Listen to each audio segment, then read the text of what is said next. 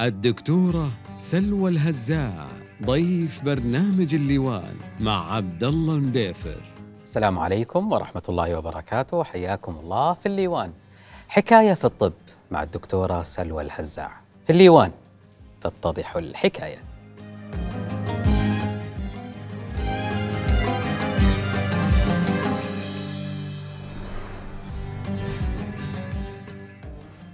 حياكم الله من جديد وباسمكم وارحب بضيفتي في الاستوديو الدكتورة سلوى الهزاع حياك الله دكتورة. أهلا وسهلا بكم في هذا الشهر الكريم والمبارك علينا جميعا. آمين. شكرا لوجودك معنا ممتنين لحضورك. بالعكس هذا حق وواجب الله يسلمك. آه، خبرة طويلة في مجال طب العيون تحديدا أكثر من 35 سنة مليئة بالإنجازات. آه، يهمني كثير أن يعني أختلص أو أستفيد من خلاصة هالتجربة في هذا اللقاء، لكن هنا نريد أن نتحدث عن العيون وعن طب العيون. ما الأشياء برأيك التي تجعل تجعلنا أقرب إلى صحة العيون، وما الأشياء في المقابل التي تجعل عيوننا في وضع اسوء؟ والله صحة العيون للأسف الشديد أكثر المرضى اللي يجوني ما أتذكر إلا في يعني مرات قليلة إنه يجي المريض يقول أنا جاي لفحص روتيني بينما كنا في الخارج كان الفحص الروتيني حاجة معتادة. فللأسف الشديد اللي ممكن يبعد عن صحة العين إنه المريض عندما يصاب بالعين أو بنقص بالبصر يأتي إلى آه، عيادة العيون. وأتمنى أني أشوف أكثر أن يكون فحص روتيني سنوي أو كل ستة شهور وخاصة منهم فوق الأربعين سنة. يعني فوق الأربعين المفروض يصير روتيني كل سنة لا تقريبا هو مفروض يعني بالذات فوق الأربعين أنك تخاف من ارتفاع ضغط العين وهذا يعني دارج فينا خاصة في المملكة العربية السعودية. لكن أيضا الأطفال اللي في غير يعني في غير نظرتهم الطبيعية لما الطفل يقرب على التلفزيون لا قدر الله لما يكون وضع رأسه في غير محله مفروض الأم تنتبه لهذه الأشياء.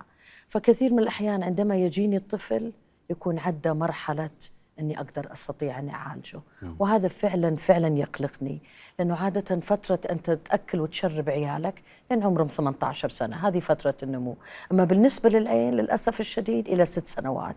إن لم نلحق أطفالنا قبل الست سنوات ونعالجهم سواء في الحول سواء في لبس النظارة لا نستطيع بعدها. لأنه فترة النمو للعين للدماغ على ما ترسل الموجات هي ست سنوات. يعني بالنسبة للأطفال إحنا نكون حريصين من البداية إلى ست سنوات. طبعا. واللي فوق الأربعين المفروض أنه دوريا. يسوي. يروح يسوي فحص. إيش اسم الفحص؟ هو ضغط العين ولا فحص عام ولا؟ هو فحص عام يعني مو شرط إنه يجي لمستشفى أو حتى يعني حتى لو يروح لطبيب عيون عام. بس لابد يعمل الفحص العام. الفحص م. العام هذا مهم لأنه منها يقدر نكتشف هو الفحص العام يفحص على حدة البصر يفحص على ضغط العين يفحص على قاع العين. كل هذه الأشياء إذا شاف لا قدر الله شيء غير الطبيعي حولوا على المختص. في العيون. يقولون ما أعرف العبارة صحيحة ولا لا العين هي نافذة الجسم يعني ممكن أن نعرف الأمراض من خلال العين. هل المعلومة هذه صحيحة؟ صحيح صحيح. العين هي نافذة الجسم للأسف الشديد كثير من الأشخاص يعتبرون العين منفصلة. تجيني أم طفلها لا يتكلم ولا يمشي ولا يسمع وتاركة ذا كله مركزة دكتورة ليش ابني ما يشوف؟ ولا ليش بنتي ما تشوف؟ أقول لها لأنه الشوف من الدماغ. إحنا لا نبصر بعيننا العين تأخذ الصورة وترسلها إلى الدماغ. فمثل ما طفلك لا يتحرك ولا يمشي ولا يتكلم ولا يسمع العين جزء منه. فلازم نذكر آه، المرضى ومرافقين المرضى إنه العين هي جزء من الجسم. إن صح البدن صحت العين. وكثير من الأحياء الزملاء سواء في الأمراض المعدية سواء في الأمراض العامة يرسلوا المريض لي من خلال فحص شبكية العين. تخصصي الدقيق هو الشبكية والوراثة. أستطيع من خلال العين أعرف هو عنده سكري عنده ارتفاع ضغط ارتفاع ضغط الجسم هل عنده لا قدر الله أي أمراض معدية؟ آه، من الأم والأمراض المعدية طبعا كثيرة وممكن من أهمها واللي واجهناها في التسعينات كانت مرض الإيدز آه يعني انت تستطيعي تعرفي إنه المريض في ايدز من من الشبكية؟ صحيح. كثير من الأحيان للأسف الشديد يأتي شاب ممكن عنده السكري ولا والدته جايبت لي دكتورة تأكدي من عينه ومن خلال الشبكية أرى التغيرات اللي عادة تكون مصاحبة لمرض الإيدز فأضطر أرسله إلى القسم الاجتماعي حتى يتحدثوا معه ويطلبوا منه أنه يسوي فحص الإيدز وللأسف الشديد تأتي لي التابعة الخدمة الاجتماعية وتقول دكتورة فعلا أنه عنده. فتعال ندخل عاد في الموال نخبره نخبر أهله. فأرجع وأقول نعم شبكية العين اللي هي جزء الأهم من العين اللي هي الجزء الخلفي فعلا هي نافذة الجسم. أنت حكيتي قبل شوي دكتورة عن موضوع التسعينات. إيش اللي صار في التسعينات؟ في التسعينات الله يسلمك أنا هذا أول ما رجعنا بدت آه، الأيدز تظهر آه، وتظهر في شكل آه، كبير. يعني أتذكر أول ما رجعت من مستشفى جون هوبكنز كان برضو تخصصي دخلت الدورة لمرض الإيدز كانت الأمراض الهيموفيليا وهذا هو اسمها حتى بالعربي. فكان كثير من مرضانا كانوا ياخذوا الدم بالنسبة لل... لأنه كانت تجيهم المشاكل في الركب يسمونه ال factor 8 وأيضا هذا ما له ترجمة. وكان الاي اللي هم وهم صغار أخذوه. طبعا الحين وصلوا إلى يعني يكونون مراهقين. بس لما كانوا صغار. كان قبل ما اكتشف آه، فيروس الايدز آه يعني كان الدم ملوث يعني. كان الدم ملوث بس ملوث ليس تقصيرا منا أو تقصيرا من السعودية. ما اكتشفت وقتها الفيروس لا هنا ولا في أمريكا. فما كان يفحص. ففي التسعينات يعني هذه كانت سنة آه ثقيلة على قلبي. لأني عالجت كل أمراض الايدز اللي متأثرة بالذات في العين في المملكة العربية السعودية وكل الأطفال اللي عالجتهم. كانت آه، فوق المية طفل. كلهم طبعا توفوا آه، لأنه ما كان آه، ظاهر وقتها العلاج القوي. ما ظهر إلا فيما بعد. وأتذكر كانت الإدارة وقتها يقولوا طيب ليش تتعبي نفسك؟ وإحنا عارفين. أقول لهم من حق تلك الطفل أن يرى والديه حتى آخر نفس في عمره. فكنت يعني أعرض نفسي ل لا قدر الله لهذا المرض المعدي بس ما كنت أفكر. كنت أفكر في ذاك الطفل أفكر في والدين وكان يهمني جدا أن على الأقل أخليه يبصر قبل وفاته. قصر النظر وطول النظر والانحراف اللي هي الأشياء اللي بسبب يعني آه، اللي هي الأشياء يعني المشهورة عند الناس. هل هذه تعتبر أمراض ولا عيوب خلقية في العين؟ أيوة. مثل ما الله سبحانه يخلق ناس طوال. ناس قصار ناس سمان ناس ضعاف. سبحان الله العين كان فيها قصر نظر فأصبحت كبيرة. كان فيها آه، بعد نظر هي صغيرة. إحنا فينا أكثر شيء قصر النظر على كبر عيوننا لكن في أكثرنا في السعودية. وأيضا في ما يسمى الاستجماتيزم اللي هو عدم يعني تكور القرنية في غير وضعها الطبيعي. وهذا علاجه سهل. دائما نذكر يعني لبس النظارة. فلا بد من لبس النظارة وخاصة للأطفال. يعني للطفل قلت لك قبل الست سنوات ممكن نمدها إلى ثمانية سنوات. لابد من لبس النظارة حتى نرسل الموجات إلى الدماغ. فالأم لما تيجي لمي تقوم تلبس آه، طفلها النظارة. عشان إيش؟ عشان أكون مبسوطة. فأسأل الطفل أسأل الطفل يقول لي ما لبستها اليوم؟ فأجي أقول للأم اليوم اللي ما تفطرين ولا تغدين ولا تعشين ابنك لا تلبسين النظارة. مثل ما الغذاء تغذية وينزل في ال في ال في ال يعني البطن في جوف النظارة عبارة عن غذاء للدماغ. أنت بتحسني الصورة أو الرؤية حتى يستطيع الموجات تدخل على العين ومنها تغذي الدماغ. صحيح أن النساء في السعودية أكثر مصاب يعني إصابة بقصر النظر أكثر من الرجال. معلومة هذه صحيحة؟ لا غير صحيحة. مم. بالعكس هي قصر النظر دائما يكون من القرب والقراءة. وأقدر أستطيع أقول أن الرجال هم أكثر أكثر قراءة. آه نتكلم على زمان يعني زمن السابق هم أكثر قراءة في وقتها. فالقصر النظر هو أيضا يصاحب الواحد لما باستمرار آه يقرأ وتشوف أكثر الأطباء يلبسوا النظارات. وكثير منهم ترى فيهم قصر نظر. أنا فيني قصر نظر شديد من صغري. بس أنا كنت محظوظة أنه كنا في الولايات المتحدة فاكتشفوا قصر النظر ولبست النظارات من صغري واستمريت عليها إلى ما طبعا بدلوها بالعدسات. الماء الماء الأبيض حدثيني عن عن هذا المرض وعن علاجه وعن الماء الأبيض دائما يتلخبط بالماء الأزرق. أنا يعجبني قولة الماء الأبيض لأنه ترى مصطلحاتنا العربية جدا حب يعني جدا لطيفة وفعلا تبين. الماء الأبيض الله يسلمك. دائما أقول للمريض هي حاجة فيزيولوجيكية. مثل ما يبيض شعرك نتكلم على الكبار مثل ما يبيض الشعر ولما يجيني الشايب وعنده سكسوس أقول مثل ما يبيض الشعر تبيض عدسة العين. هذه حاجة فيزيولوجيكية. فعندما يصاب الإنسان بالماء الأبيض لابد من التدخل الجراحي. ما عليك من اللي تسمع ليزرز وهذا قوة تدخل جراحي. ممكن يكون عن طريق الليزر. لابد من إزالة عدسة العين وزرعها بعدسة صناعية. ما كان نظرك قبل إصابتك بالماء الأبيض وقلت لك الماء الأبيض ليس مرض. هو حاجة فيزيولوجيكية نفس الشيء يرجع نظرك للطبيعي. وهي ليس عملية. ترى هي إجراء ممكن تسوى بدون تج... يعني بدون ترقيد. تجي للمستشفى الصباح تعمل العملية وتطلع في نفس اليوم. حتى سابقا لا تسجدوا لا تركعوا لمدة أشهر هذا كله تغير. لأنه سابقا الفتحة كانت كنا نسويها عشرة ملي تقدمنا صارت خمسة ملي الحين صارت الفتحة واحد ملي وندخل العدسة عن طريق حقنة. تدخل الحقنة وبعدين تنفرد في داخل العين.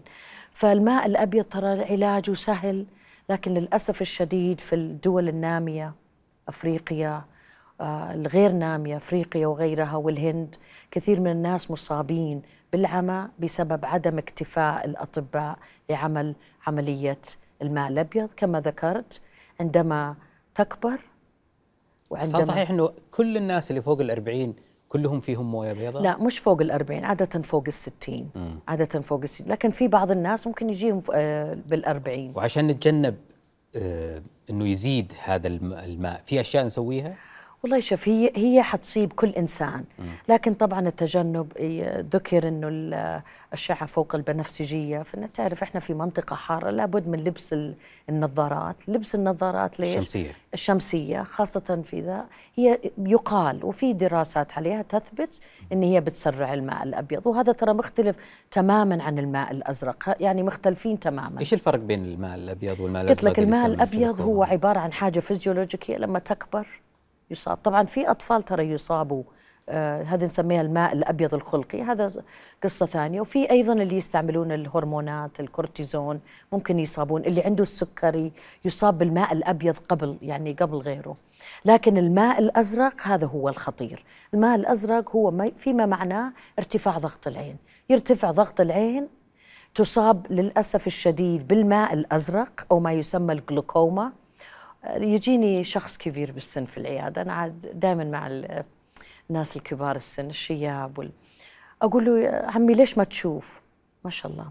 يقول دكتورة أصابني السويرق وفعلا الماء الأزرق يسرق النظر بدون ما تدري.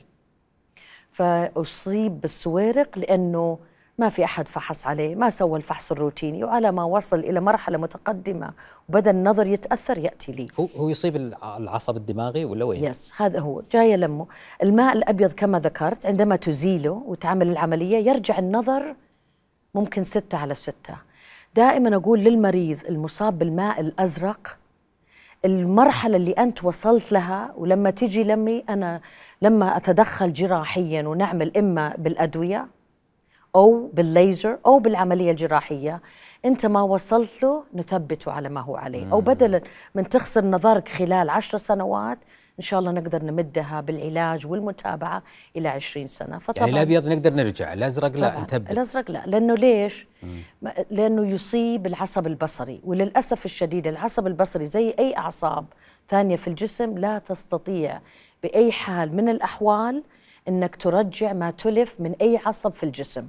في الوقت الحالي والعصب البصري يعتبر هو العصب اللي نشوفه في العين المجردة. دائما نسميها بالعين المجردة ونستطيع من خلال العصب أن نشوف الدماغ. طيب موضوع ضغط العين اشرحي لي بالضبط إيش هي أوكي الضغط الطبيعي هو من 10 ل 20 هذا الضغط كل إنسان وأنصح كل إنسان فوق ال 40 سنة لابد لابد أن يقوم في الفحص الروتيني السنوي على فحص العين فحص الضغط العين. ضغط العين. ضغط العين هو إن ارتفع وصاحب معه للأسف الشديد آه، تلف العصب البصري وأيضا صاحب معه فحص المجال البصر. سبحان الله ليش يسمى السويرق ممكن تصل إلى مراحل مقدمة من آه، ضغط العين أو الجلوكوما ونظرك لسه ستة على ستة لأنه إيش يبدأ ياخذ؟ ياخذ من الأطراف. تبدأ الأطراف تتأثر وبعدين فجأة تصاب بالعمل كامل.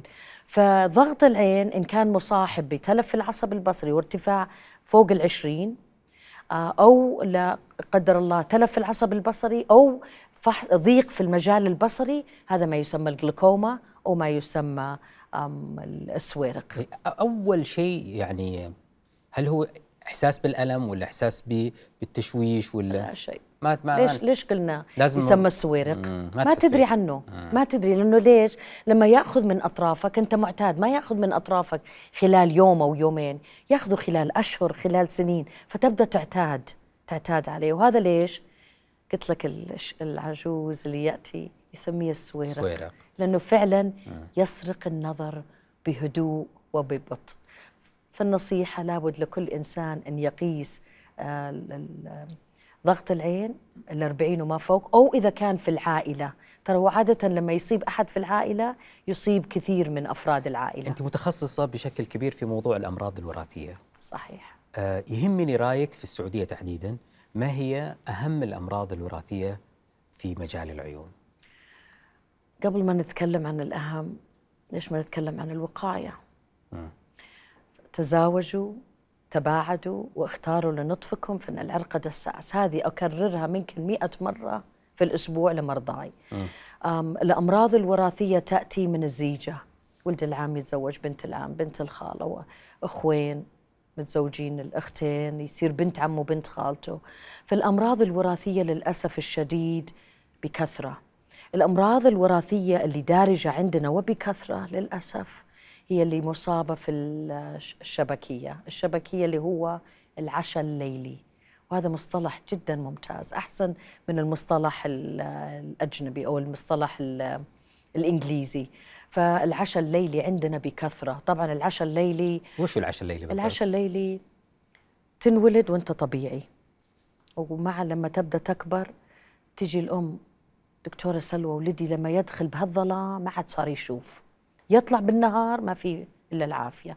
يجي للظلام وهذه أول أعراضه. يتقدم يتقدم يتقدم ولا في شيء نقدر نسويه على فكرة. ما في شيء أقدر أسويه. أراقبهم إلى لما يتقدم يصيب النهار يصيب الليل طبعا العشاء الليلي ويصيب النهار؟ ثم يؤدي إلى ما يسمى العمل القانوني بحيث أنه يست... الإنسان لا يستطيع أن يبصر ولابد من المساعدة إما من الأهل أو بالعصا.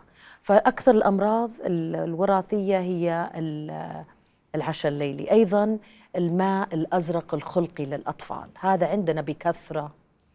آه، أيضا الماء الخلقي الماء الأبيض. فكما ذكرت الأمراض الوراثية تصيب شبكية العين آه، جدا في حالات كثيرة عندنا. أستطيع أقول لك أنه خلال السبع وعشرين سنة وأنا في علم الوراثة من رجعت لل هنا للمملكة العربية السعودية أصبح عندنا فوق الألفين حالة آه، من الأمراض الوراثية وهذا ترى يعتبر رقم جدا كبير يعني إحنا الآن هذه بس الأمراض ما اثنين ثلاثة ولا في أكثر منها؟ لا في الأمر يعني لما ذكرت لك العشاء الليلي رقم واحد هو العشاء الليلي صح؟ إيه بس العشاء الليلي يتدرج منه 300 نوع مم. 300 نوع ما أستطيع أقوله بس أنا اقولها ك آه، عمل ألوان مرض وراثي؟ يس عمل الألوان هو أيضا ممكن يتدرج تحت الأمراض الوراثية بالاعتلال الشبكية مم. يعني إيش نقصد إحنا بعمل الألوان؟ لا يستطيع أن يفرق بالألوان إيش يشوف يعني؟ يشوف الألوان لكن يشوفها باهتة وممكن لما تكون الحالة جدا متقدمة لا يفرق بين الأخضر والأحمر وهذا يؤثر عليه بالإشارات آه، عندما يتوظف إنسان في الصيدلية أقول لهم بلي ارسلوه ارسلوا هذا المريض لي. لأني أول شيء أكشف عليه إيش؟ قدرته على التمييز بالألوان. ليش؟ ليش بالذات الصيدليين؟ ليه؟ لأنه الحبوب عندهم يميزونها بالألوان كثير من الأحيان. فأستغرب إنه لما يجي أحد يتقدم للصيدلة ويكون تخرج للأسف الشديد أكتشف إنه عنده عمى الوان فلا نستطيع نوظفه بل أنصحه انه يروح يدور على وظيفه ما له علاج العمى الألوان؟ كل الأمراض الوراثية للأسف الشديد في الوقت الحالي ما لها علاج إلا مرض واحد اللي هو العشاء الليلي. وهذا العشاء الليلي كما ذكرت له أكثر من 300 طفرة. طفرة معناه تغير في الجيني.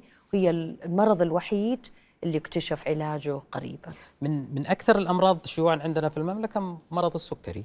صحيح. إيش أثر مرض السكري على العين تحديدا؟ للأسف الشديد آه، إحنا نعتبر الآن في المملكة العربية السعودية والكويت رقم واحد. في أمراض السك في أمراض السمنة. من آه، وبالذات بالأطفال. الأطفال يعني بطريقة غير ال- الوجبات السريعة آه، عدم الاتزان عدم الحركة. دائما قدام البلاي ستيشن أو على الجوال ما في الحركة. فالسمنة هذه من أهم مضاعفاتها هي السكري. وأصبحنا في المملكة العربية السعودية رقم واحد في دول الخليج والدول العربية. لما تصاب بمرض السكري. طبعا أعضاء جميع أعضائك يعني سواء القلب سواء الكلى الأطراف لما تجي ال gangrene لكن العين هو الإنسان يهتم. لما ينزل بصره يجي يركض. ممكن ال- السكر يكون عنده بالستمية. لو في أمريكا ممكن توفى. لكن إحنا عندنا 560 ما همه. يمشي ويكمل. ولا يدري عن الكلى لأنه ليش الكلى؟ أنت ما تحتاج إلا ربع كليتك. على ما تصاب بالكلى الفشل الكلوي already راح منها ال- الرقم هذا. فلما تصاب بالاعتلال الشبكي في السكري هذا يؤدي إلى العمى. فيأتي المريض أقول له طيب ليش ما جيت؟ ليش ما راجعت؟ أيضا أحط اللوم على الأطباء. أطباء اللي هم الأطباء العاميين.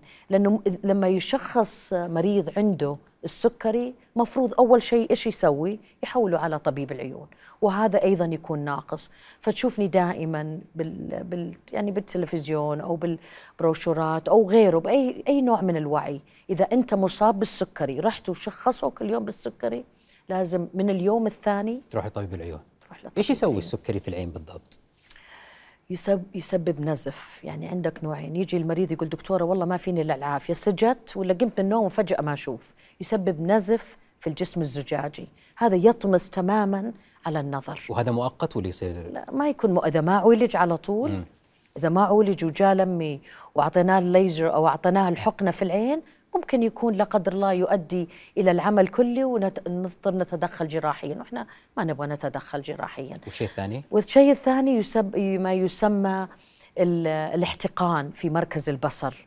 يكون في احتقان الماء. من كثر الماء ال- يصيب ال- السكري يصير في مركز البصر. هذا ياخذ وقت. هذا مو زي ال- النزف. هذا مع الوقت ولا يدري المريض. يجي المريض يقول دكتورة كنت أشوف الشريط تحت التلفزيون. بوضوح. دكتور الحين ما عاد صرت أشوفه. اعتاد ي- ي- يتراكم. يتراكم إلى ما يؤدي العمى لما يجي المريض في الوقت المناسب ويا ليته يجي بالفحص الروتيني إحنا نبغى نكتشفه قبل ما يصير نضطر أما نتدخل بالليزر أو نتدخل بالحقنة أو بالجراحة. وإيش نقول للمريض؟ زي ما قلنا لمريض ال- الماء الأزرق أو ما يسمى بالجلوكوما. أنا تدخلي فيك لا أستطيع أرد اللي راح. فقط أحافظ على ما هو موجود بدلا من تخسر نظرك لا قدر الله خلال عشر سنوات بإذن الله مع المتابعة ومع العلاج العلاج قلت لك هو عبارة إما ليزر أو عبارة عن ال- الحقنة أو عبارة عن ال- الجراحة. أستطيع اني أمدها إلى 20 سنة، لكن قبل هذا كله تتذكر الكلمة اللي قلتها وهذه كلمة جدا مهمة لي. لما قلت العين هي جزء من الجسم وهي نافذة الجسم، أجي للمريض. أعطي له كل هذه النصائح لكن أقول له أنا فقط أعالج المضاعفات. حسن حياتك حسن غذائك حسن نومك وركز على الرياضة والمشي. إن صح البدن صحة كثير من العين. الحين صحة العين وممكن هذا كله المضاعفات هذه تروح بدون تدخلنا كجراحين عيون. موضوع الصداع دائما يقولون يعني هذا الصداع من العين هذا إيش علاقة الصداع وال والعين؟ يجينا كثير من المرضى يشتكوا يعني من الصداع. وأرجع وأقول الصداع عادة لما يكون مصاحب بالعين عادة يكون بسبب ارتفاع ضغط العين الحاد غير الضغط ال- الع- العادي اللي قلت لك السويرق. يجي ضغط العين الحاد هذه ممكن تكون نتيجة حلوة لأنه نعرف وقتها. أيضا الصداع ممكن يجي من الأرق يجي من كثر التركيز. يجي ممكن استعمال الجوال آه، آه، في الظلام وهذا حاجة غير طبيعية. يجي مريض يقول لي طيب ليش يا دكتورة تقولي لي ما استعمل الجوال في الليل وحنا عندنا السينمات نقعد في الظلام؟ أقول له لا في فرق. وأنت قاعد للسينما أنت تمد نظرك. فبؤبؤة العين منبسطة. لكن لما أنت في الجوال وفي الليل ومطفي الأنوار والنور الجوال إيش يصير لبؤبؤة العين؟ تتقلص. زي لما تطلع الحين أنت في الشمس سبحان رب العالمين. بؤبؤة العين تتقلص تمنع من دخول الشمس لشبكية العين. ولما تكون في الظلام تنبسط. فأنت لما تكون بالظلام وأنت حاطط نور أقوى من الغرفة للأسف الشديد تتقلص بؤبؤة العين وهذا ما يسبب الصداع بس يسبب صداع ولا يسبب أشياء آه يعني يأثر على النظر؟ لا هو مو تأثيره على النظر قد ما هو يسبب نوع من الأرق. أيضا استعماله للأسف الشديد على المدى البعيد ممكن يأثر على الدماغ كما ذكرت العين هي إيش تأخذ الموجات وترسلها للدماغ اعتبرها زي الكاميرا ال- ال- السابقا إيه لكن لما تجي تأخذ دكتورة يعني الحديث دائما يكثر على موضوع ال- الأجهزة الحاسوبية صحيح. الجوالات صحيح. التلفزيونات هل هذه الأشياء علميا ثبت أنها تضر في النظر ولا لا؟ الأم لما تجيني معاها طفلها وتسألني ذا السؤال أقول للممرضة طلعيه برا لأني ما أقدر أقول الصدق قدامه يجي يقول لأمه شفتي؟ إيه. تقولي لي شوفي الدكتورة سلوى. فدائما لما أسأل خاصة لما يكون في طفل أقول طلعي المريض برا روحوا سووا له موعده. ما ثبت ابدا إنه است... كثرة استعمال الجوال أو الكمبيوتر أو غيره له تأثير مباشر على خلايا الشبكية. لكن لا ننسى كما ذكرنا العين هي أداة إلى الدماغ. فكثر استعمال هذه الأشياء ممكن يف... يعني يؤثر على تركيزك يؤثر للأسف الشديد على الخلايا الد- الدماغ. لما يكون عندك طفل الطفل هذا لسه الخلايا الدماغ عنده في مرحلة نمو. أنت لما تكثر عليه البلاي ستيشن أو تكثر عليه استعمال الجوال إيش بيسوي؟ بيرسل الموجات للدماغ. ممكن يكون أداؤه غير صحيح في المدرسة ممكن يكون تركيزه غير صحيح. فهو ليس هناك مباشر على شبكية العين لكن للأسف الشديد يؤثر على الدماغ. لكن التأثير اللي عادة يصيب أنك أنت لما تكون أمام الكمبيوتر خاصة لما تكون موظف دائما أقول بعد 45 دقيقة فكوا عن الكمبيوتر. ليش زمان أول لما كانوا في الصحراء نظرهم زين؟ مد النظر. إحنا للأسف الشديد مع العولمة ومع التكنولوجي صار كل حاجة قريب. فدائما أقول مدوا النظر. يمكن يجي يقول لي الموظف دكتورة أنا ما أقدر أترك محل عملي. أقول له لا تترك محل عملك. استرخي غمض العين لمدة 15 ثانية لمدة 30 ثانية وارجع إلى الكمبيوتر. حتى الآن لما صاروا يسووا ال cubicles دائما أحرص على شيء واحد. إيش هي في ال cubicle؟ لما يكونوا قاعدين في ال cubicles حقت العمل دائما أقول نزلوا. لا يصير مرتفع نزلوها. حتى هو على الكمبيوتر ممكن يمد نظره ويناظر لبعيد. هذا صحي جدا. لكن لما يكون الواحد دائما في غرفة مغلقة ممكن شفت الحين ال ال ال المكاتب الجديدة كلها قزاز. في سبب لهذا. وانت قاعد وذا تمد نظرك بتناظر لبعيد. فمد البصر ومد النظر ترى هذا يعتبر من أهم العادات الصحيحة اللي لابد الإنسان يقوم فيها. طيب اللي يقرؤون الكتب في إنارة خافتة يقولون أنه هذا أيضا يؤثر على البصر ويؤثر على العين. زي ما ذكرت لابد الأنارة دائما تكون أقوى وقوية. إذا كنت أنت في الليل و- ومعاك يعني ما تبغى تزعج اللي جنبك ممكن تحط نور على طول. بس لابد ال- لو ما. حطيت إيش الأثر؟ أنا أتكلم عن الأثر. هو زي كما ذكرت الأثر ممكن على المدى يعني ما في هي دراسات عملت لكن نعلم إحنا كأطباء الأثر ممكن يسبب قصر النظر ممكن يسبب الأرق. ممكن يسبب باستمرار آه، قزحية العين دائما مقفلة. هذا يسبب على عضلات العين ال- الانكماش. دائما تحس بصداع تجي تقول دكتورة أحس بأرق. أحس أن عيوني غير طبيعية. لأنه أنت وأنا حتى تكون عيوننا طبيعية لابد نتعمد نمد النظر. على بعد النظر. طيب في بعض التمارين ما أعرف أنا هي صحية ولا لا اللي يقول لك طالع ال- ال- القلم بعدين قربه إلين عينك وأنت تناظره صحيح. بعدين بعده وأنت أيضا تناظر هذا الكلام صح؟ ممكن في في بعض من الأمراض ال- الحول اللي تصيب الأطفال وأنا دائما أحرص ترى الحول عندنا بكثرة وبكثرة كثيرة وفي أحد البلدان ولن أذكر إيش هي هذه البلد حتى لا أسمى بالعنصرية كان في مستوصف وكان كل ما جاء طفل وعنده الحول كان الطبيب يقول له أبد لما يكبر يروح وأيضا في في عاداتنا وتقاليدنا في بعض العادات والتقاليد يقول ما زكيتوهم ماء ما شربتوهم ماء كافي. هذه يعني دارجة. فالحول للأسف الشديد لازم يعالج قبل الست سنوات إما بالتغطية. يعني ما في قاعدة تخليه إذا يكبر ويزين هذه مو بصحيحة. كما ذكرت مم. إذا ما عالجت الحول وهو خاصة بين السنتين والأربع سنوات للأسف الشديد ممكن يصاب ما يسمى بالكسل. كسل مش العمل كامل لكن في فرق بين النظر ولا يمكن بعد ما يتعدى ثمانية سنوات علاجه بالطرق العادية. طبعا تقدم الطب وممكن نقول بس إحنا نتكلم على يعني ال ال ال إيش سبب المعروف. الحول؟ حول وراثي ولا إيش سببه؟ ممكن يكون وراثي بس ما ما ثبت. يعني مو زي وراثة الله يسلمك زي ما نقول العشاء الليلي هذا نطلع الطفرة. عادة تشوفها بالعائلة تشوفها بين الأطفال. ممكن يكون بسبب العضلات. بس نرجع للي ذكرته من ناحية الحول في في بعض التمارين ما ثبتت لكن أنا أقول ما تضر اعملها اعملها لطفلك. إن ما نفعته ما ما ضرته. الحول نرجع نعم هو دارج عندنا للأسف شيء خاصة الحول الداخلي. ولما تجيني الحول الداخلي؟ اللي تكون العين داخلة على جوا للاطفال. هذا هو اللي عادة دارج ويصاحب مع آه، بعد النظر. تعرف الطفل حياته كلها أمامه. بعد النظر لبعيد فما يدري إنه عنده هذا الشيء. فتجي الأم أجي أقول له بلبس الطفل نظارة. هذه هذه بالنسبة لها أكبر كارثة. كيف ألبسه؟ وش بيقولون الجيران؟ وش بتقول جدته؟ أقول له لا يهمك.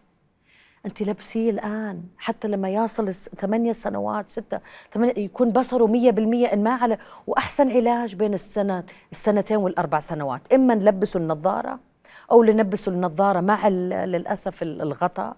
الغطاء هذا مرة مرة متعب لل... لكن إيش بتغطي؟ تغطي العين السليمة عشان تقوي العين الثانية. مم. فتخيل طفل ما يشوف تروح تغطي عينه الزينه ليش تغطيها؟ تغطيها عشان تجبر الدماغ يستعمل العين اللي هي فيها الكسل أو فيها غير ده عشان يقويها. زي أنت رايحين للخرج الله يسلمك. عندك طريق على طول وطريق معوج وش اللي بتاخذ؟ أكيد الطريق السليم. صح؟ اللي على طول؟ لأن كسل يعني في طبيعتنا الكسل. الدماغ نفس الشيء عنده عين على طول عنده عين داخلة. وش بيستعمل الدماغ؟ عين اللي على طول. فنروح نسكر العين السليمة حتى نجبر الدماغ لاستعمال العين الحول وهذا يتحسن ويتحسن وبسرعة.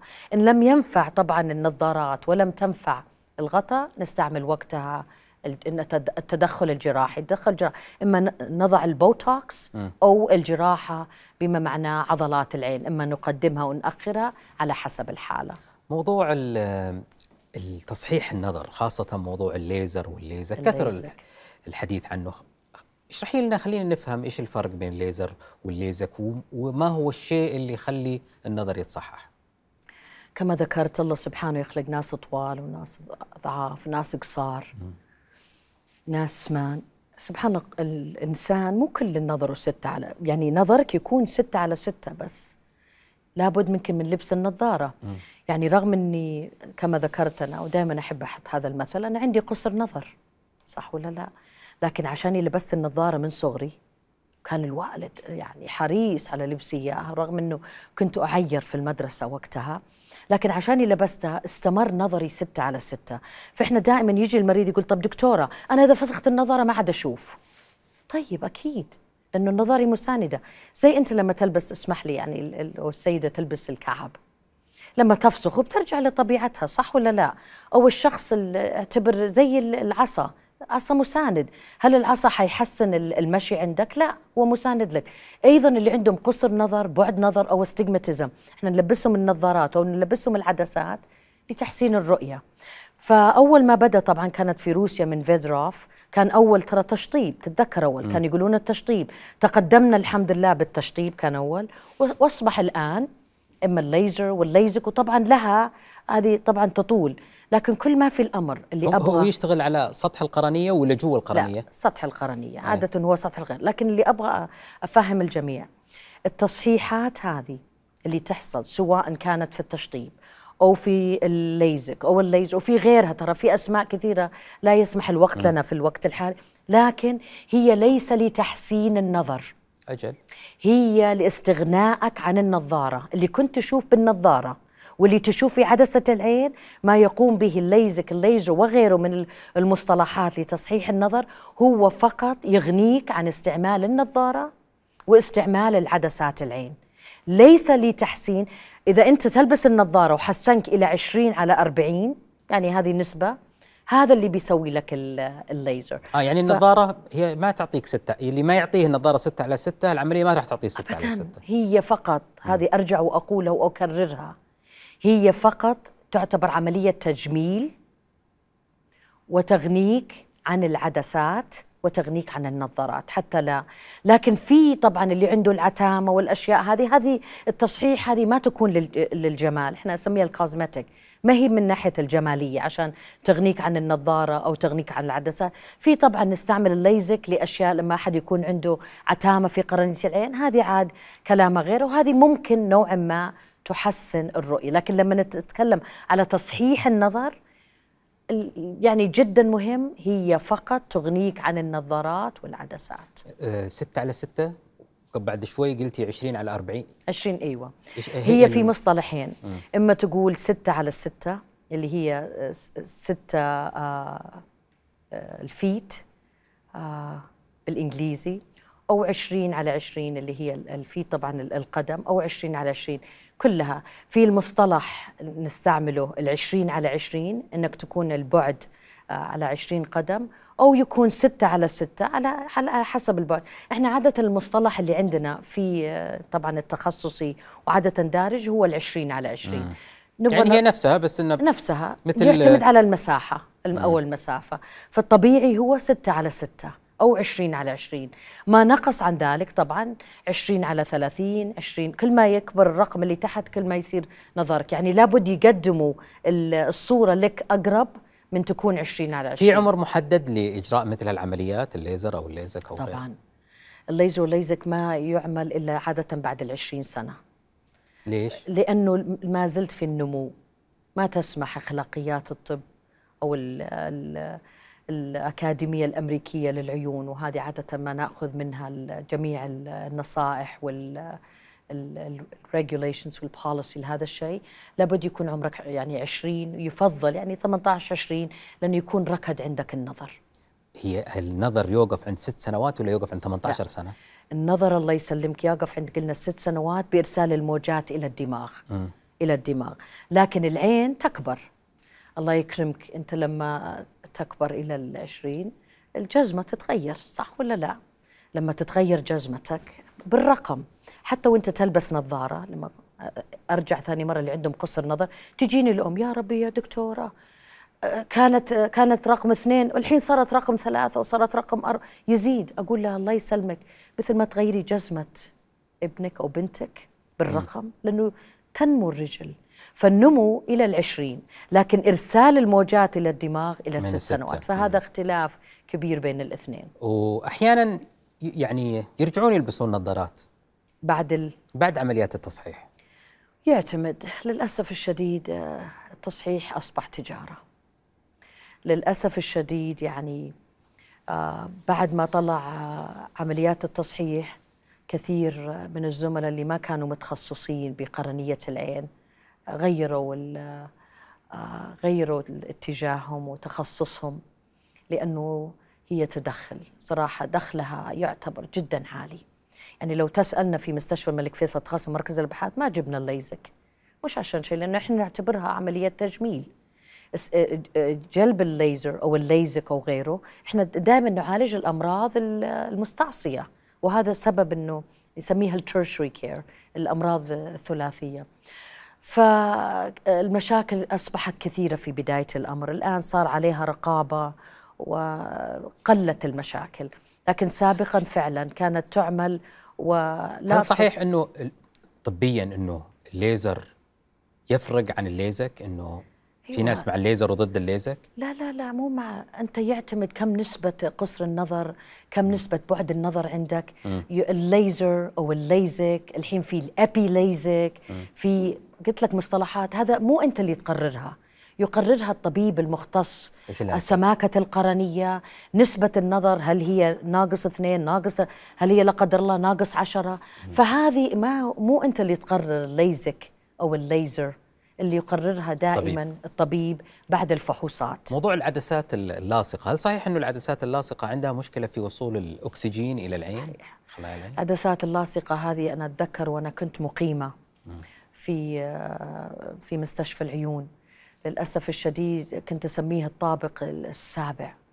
كان كل اللي مرقدين فيهم عندهم للأسف الشديد الالتهاب القرنية الشديد.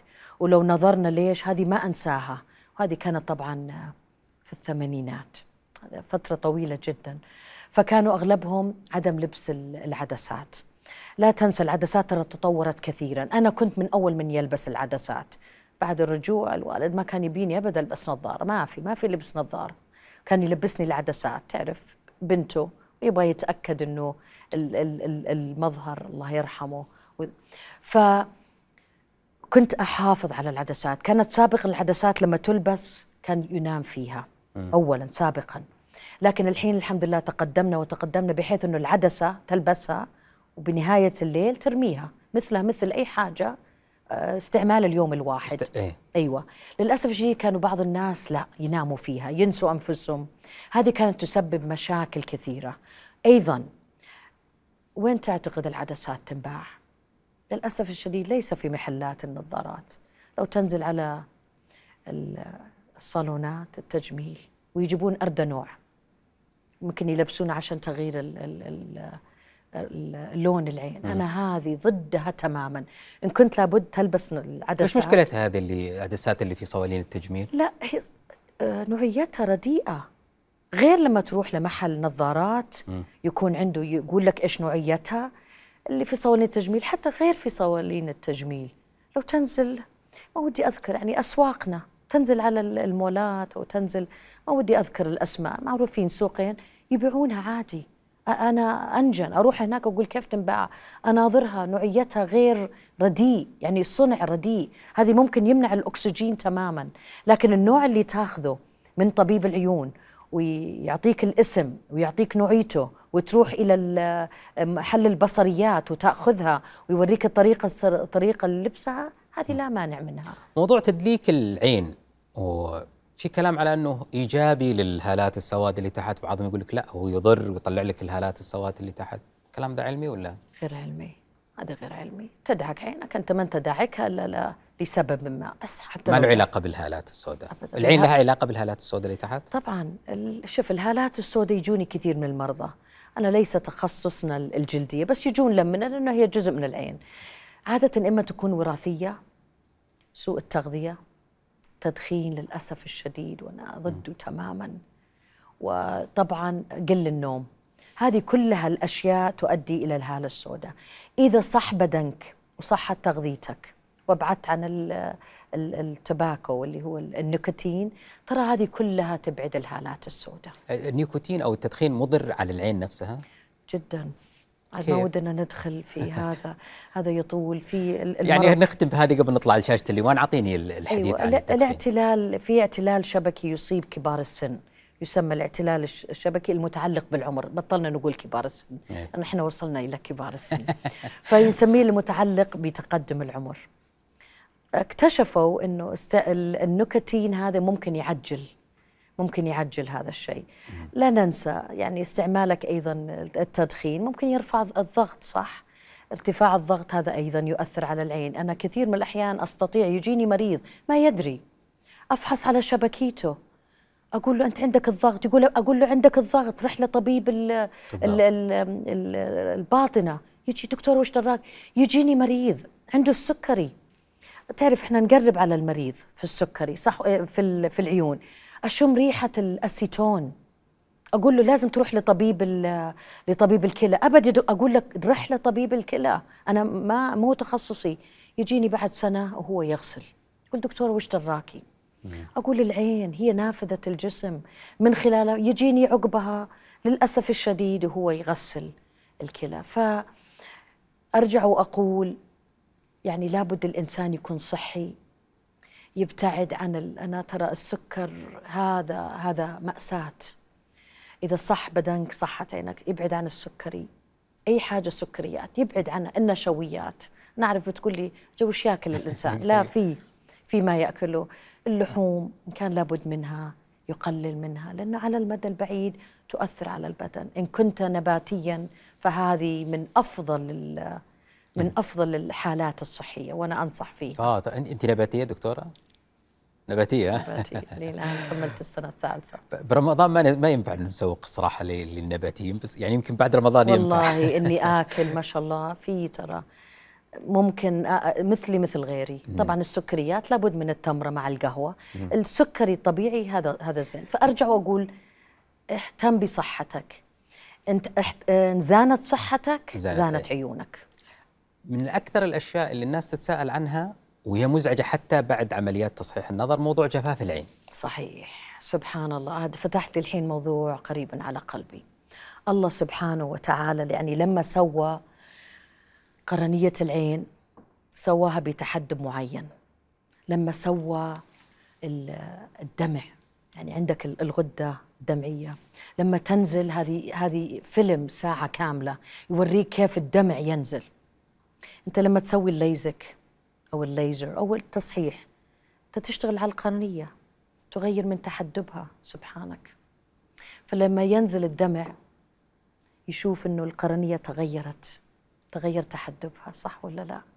فتصاب بجفاف العين. وبعدين طبعا إحنا ننصح باستعمال ال- القطرات الصناعية صح ولا لا؟ مهما عملوا. ومهما صارت أكبر وأهم شركة في العالم لن يستطيعوا أن يقلدوا الدمع الطبيعي اللي الله سبحانه وتعالى سبحان الله خلقها. والحل طيب يعني إن كثير من الناس تشتكي على هذا الموضوع. تشتكي في كثير الآن. آم، في طبعا القطرات لابد استعمالها باستمرار في المراهم. الآن اللي طلع جديد اللي مصاب بالجفاف الشديد يؤخذ دمك ويؤخذ السيرم اللي هو ال- ال- الجزء الصافي من الدم. يسوى له ال centrifuge ويسوى منها قطرة وبإمكانك استعمالها. وهذه ترى نتائجها جدا جدا مجدية وين. وين تسوى عندنا هنا؟ نعم. تتسوى. بس هذه طبعا في الحالات المتقدمة جدا. ما. تبغى تستعملها لكل إنسان بل يستعمل ويداوم يداوم على القطرة يقول لي طب دكتور ليش استعملها كم مرة؟ أقول له كم مرة ترمش أنت في اليوم؟ أنت كل ما رمشت ضغطت على ال ال ال الغدة الدمعية ونزلت الدمع. كل ما ترمش هذا اللي يصير. فلا بد من استعمال للأسف القطرات الدموع الصناعية باستمرار حتى لو اضطريت تستعملها كل ساعة. آه، شاشة اللوان هي العين التي نبصر من خلالها نحو الزمن. استأذنكم وننتقل إلى الجزء الآخر من من هذا المكان لنستمر في حديث لكن على سياقات أخرى إن- سمحت لي. شاشة اللوان تنتظرنا وتنتظركم.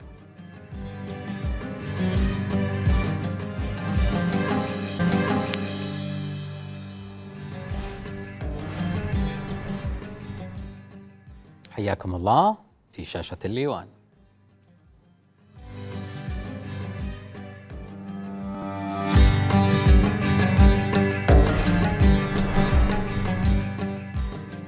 حياكم الله من جديد وباسمكم جميعا أرحب بضيفتي في الاستوديو الدكتورة سلوى الهزاع. حياك الله من جديد. أستأذنك هنا أنه نستعرض مجموعة من المواد والفيديوهات والصور تفتح لنا آه، محور الحديث بعد إذنك.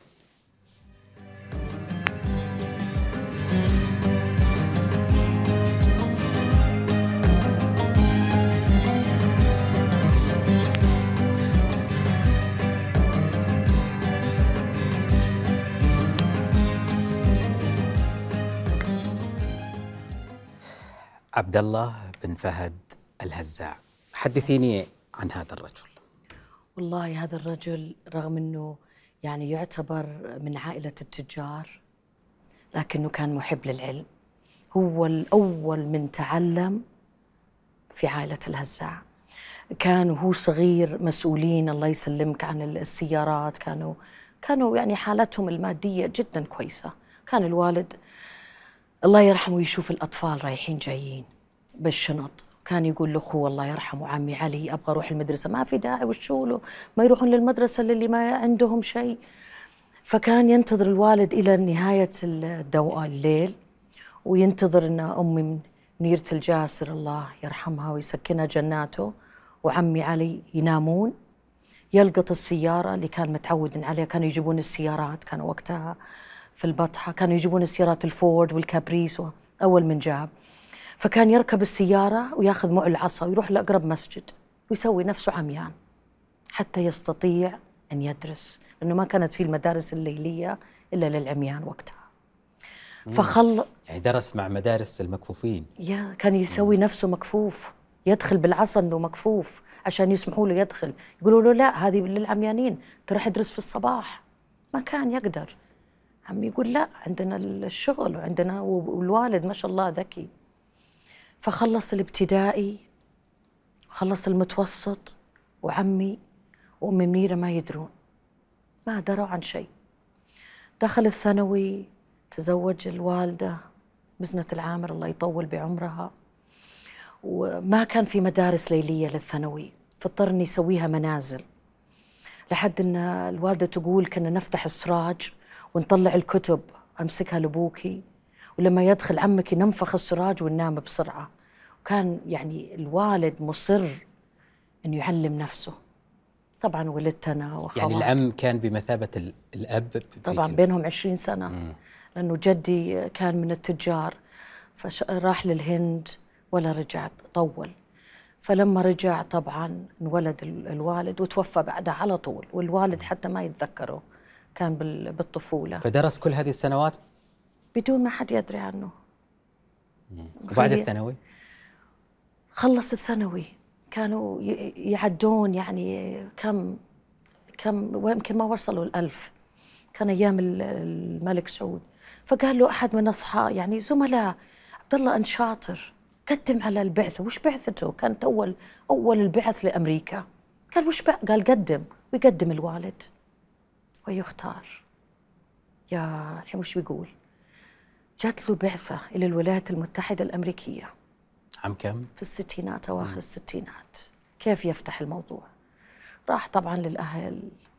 أمي منير الله يرحمها و... وعمي يقول لهم أنا بروح لم... وش تروح لبلاد الكفرة؟ يعني كانت وقتها تسمى بلاد الكفرة. ما حد يعرف في أمريكا. ولاحظ يعني ما كانت فيه التكنولوجي اللي عندنا الآن عشان نعرف. المهم أصر ليش؟ وش وش بوديك؟ أنا عندي بعثة. قال أنا أعرف أكتب وأقرأ. طبعا الجميع تفاجأ. آه، جدي الله يرحمه أبوي عبد الله الشيخ عبد الله بن عامر نقل, نقل من بريدة إلى مكة وقتها. كان من كبار رجال الدين. جال الوالدة طبعا. كله كان يعني نوع من عدم الارتياح. كيف نسافر لأمريكا؟ الوالد طبعا مصر لابد أسافر. كنا الحين خمس بنات. ما ولا ولد. بالنسبة من الوالدة. خمس بنات المهم أصر أصر أصر إلى ما أقنع أقنع عمي. أخيرا عمي قال خلاص اتكل على الله. خذ زوجتك وخذ الطفلة. كانت أصغر أخواتي. واتكلوا على الله. طبعا الوالد ما سمحت. سوى اوراق ولكن أخذنا كلنا أخذنا كلنا خمس البنات أخذنا خمس بنات ولاحظ يعني في وقت ترى كان صعب يعني ما نتكلم على ذاك ال ال ال ال زي ما تقول الله يسلمك البعثة اللي فيها أخذنا كلنا الخمس والوالدة اعتبرها الله يطول بعمرها يعني برضو طفلة صح ولا لا؟ كم يعني عمرك كان وقتها؟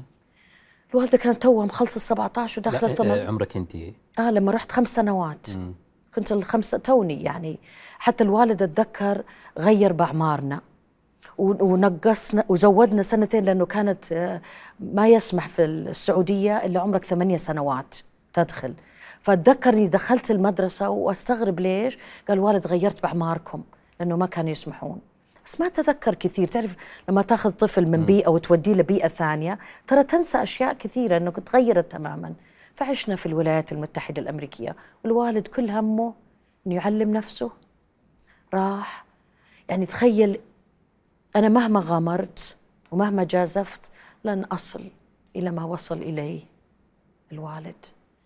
لأنه ياخذ خمس بنات مع والدتهم الصغيرة لبلاد لا يعرف الإنجليزي تعلم اللغة لا نعرف شيء لا في مدارس أكاديمية اللي راحوا ترى كانوا ينعدون على الأصابع.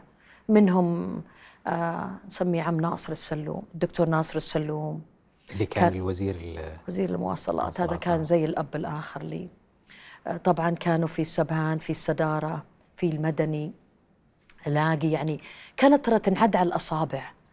فعشنا في الولايات المتحدة. ودرستي الابتدائي والمتوسط متوسط وكثير وجزء من الثانوي. في, في الولايات المتحدة. كله في الولايات المتحدة يعني. ومتى رجعتي هنا؟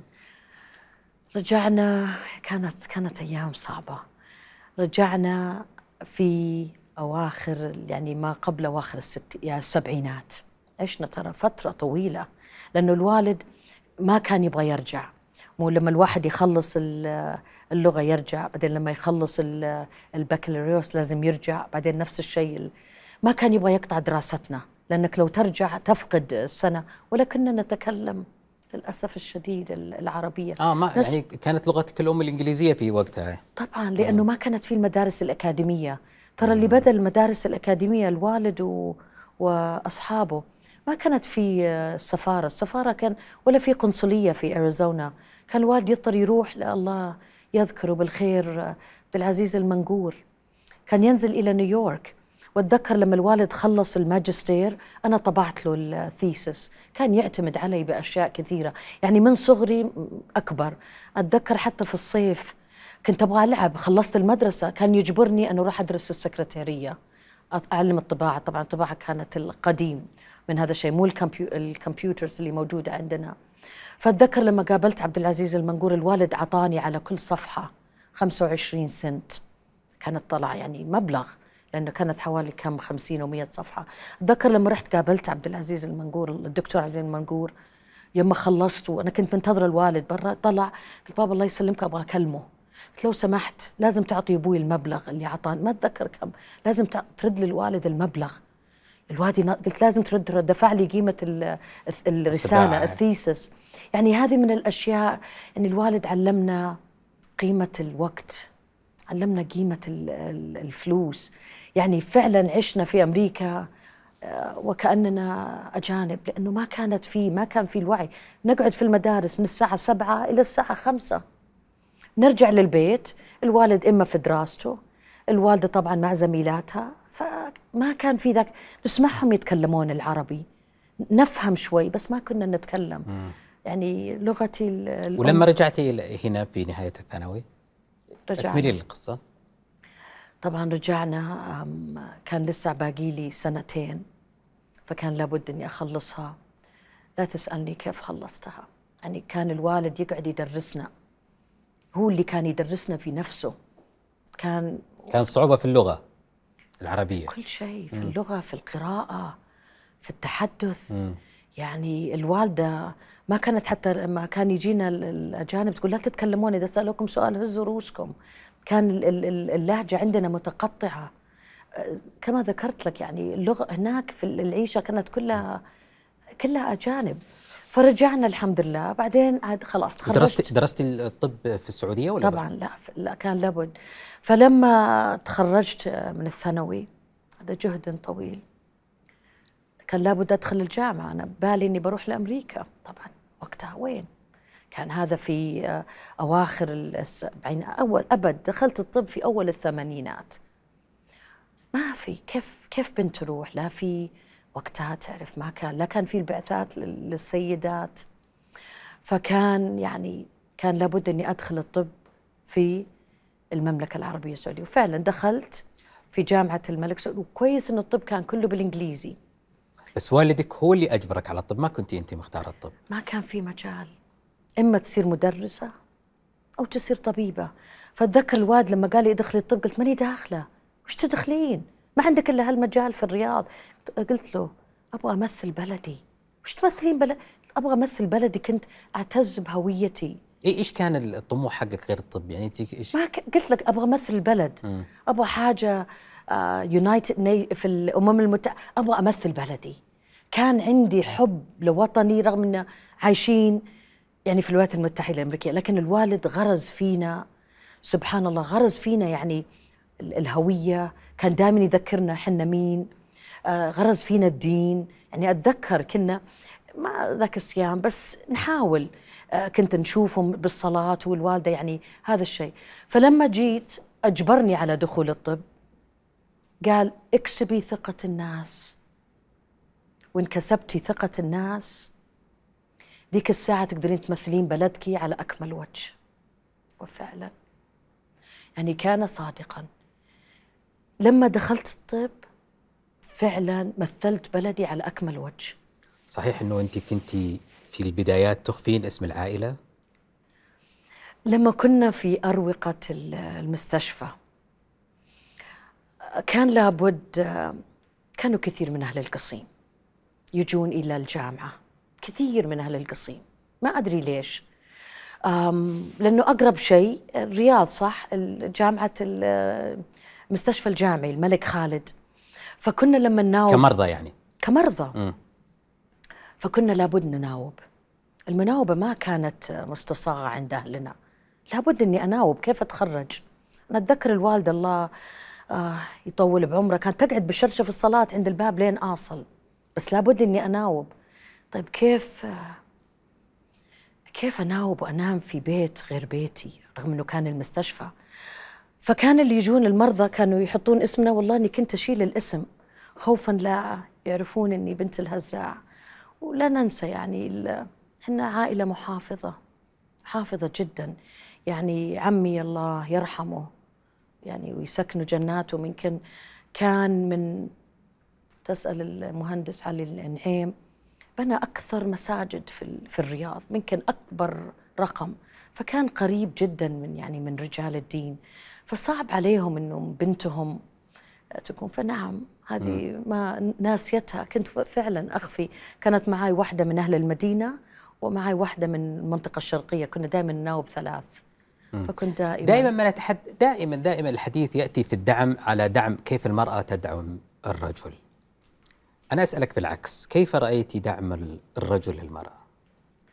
والله لولا وجود الرجل لما وصلت لما أنا وصلت له. سابقا كان المرحوم يعني رغم أنه ترى ما كان كثير محتاجين على دخول الطب بس ما كان في مجال غيره.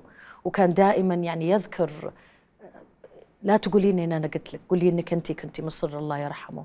فكان الوالد رحمة الله عليه. داعم لي كبير بس من خلف الستار. بعدين بعدها طبعا زوجت عبد الله العبيد الله أبو مشعل. وأستطيع أقول لك يعني خاصة بدأت النجاحات والمناصب كلها سبحان الله تتوالى. وأستطيع أقول لك إنه لولا هذا الرجل لما وصلت لهذه المواصيل. بعدين بعدها أبنائي. مشعل ونايف طبعا. هم يقولون من وراء كل رجل عظيم امرأة. أنت إيش تقولين؟ ابدا. أقول وراء كل امرأة ناجحة رجل عظيم. فبنترك العظمة للرجال. أنا لا أريد أن أكون عظيمة. أريد أن أكون ناجحة أخدم بلدي أخدم المرضى وأخدم كل ما بوسعي من علمي وجهدي لهذا البلد اللي أعطتنا والله الكثير. ما دام نتحدث عن البلد سأعرض عليك رمز من رموز هذه هذا البلد. أهلا وسهلا. الحمد لله على السلامة.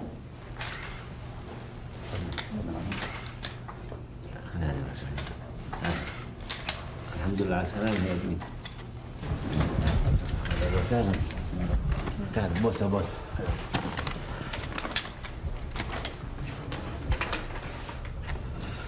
الحمد لله على العافية. وإن شاء الله نجوزكم.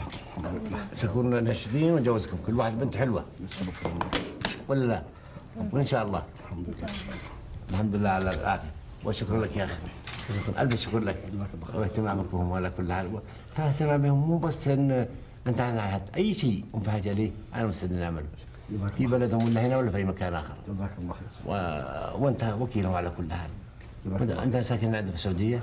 لندن طيب أي شيء تقدر تصل للسفارة السعودية؟ أي شيء تريدون لهم وارجو لهم الصحه والعافية إن شاء الله. جزاك الله خير إن شاء الله.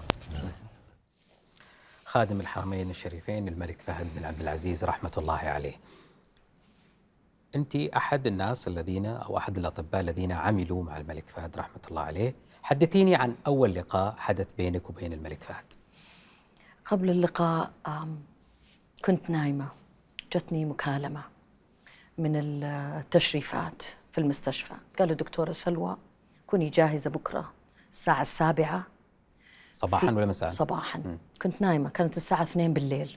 طق ال- ال- ال- الجهاز البيجر وقيل لي آه، في أحد كبار الشخصيات ستقومي بالفحص عليه. قلت الساعة قال الساعة 7 قلت لا لا لا ما أقدر الساعة 7 عندي عيادة وفي مرضى جايين ما أستطيع. أخلص عيادتي حرام مرضى منتظرين قال دكتورة هذا مو ما هو برأيك ولا هو يعني. والله إني دعيت ربي. يا الله يا رب من غير شر. أخر روحتي لين أخلص مرضاي. وفعلا تعطلت ال- الطائرة الخاصة. وأفحص كل مرضاي ما عدا مريض واحد اللي بقي. كنت مهتمة إني وطلع من الرياض. وعدته قلت والله لا أشوفك بكرة وبعده. خليني بس أرجع من مهمتي. وفعلا سافرت إلى جدة ودخلت تلك القصر. عام كم هذا الكلام؟ كان في عام 1999 99 ما انساها هذا بعد ما كنت عينت رئيسة القسم في عام آه، 1997 دخلت القصر. أنا ما أعرف أحد وقتها وتعرف في شغلي وفي واكتشفت فيما بعد أنه تلك المريض اللي يبغوني أفحص عليه بعد ما قابلته وجه لوجه كان الملك فهد رحمة الله عليه. كملت فحصي.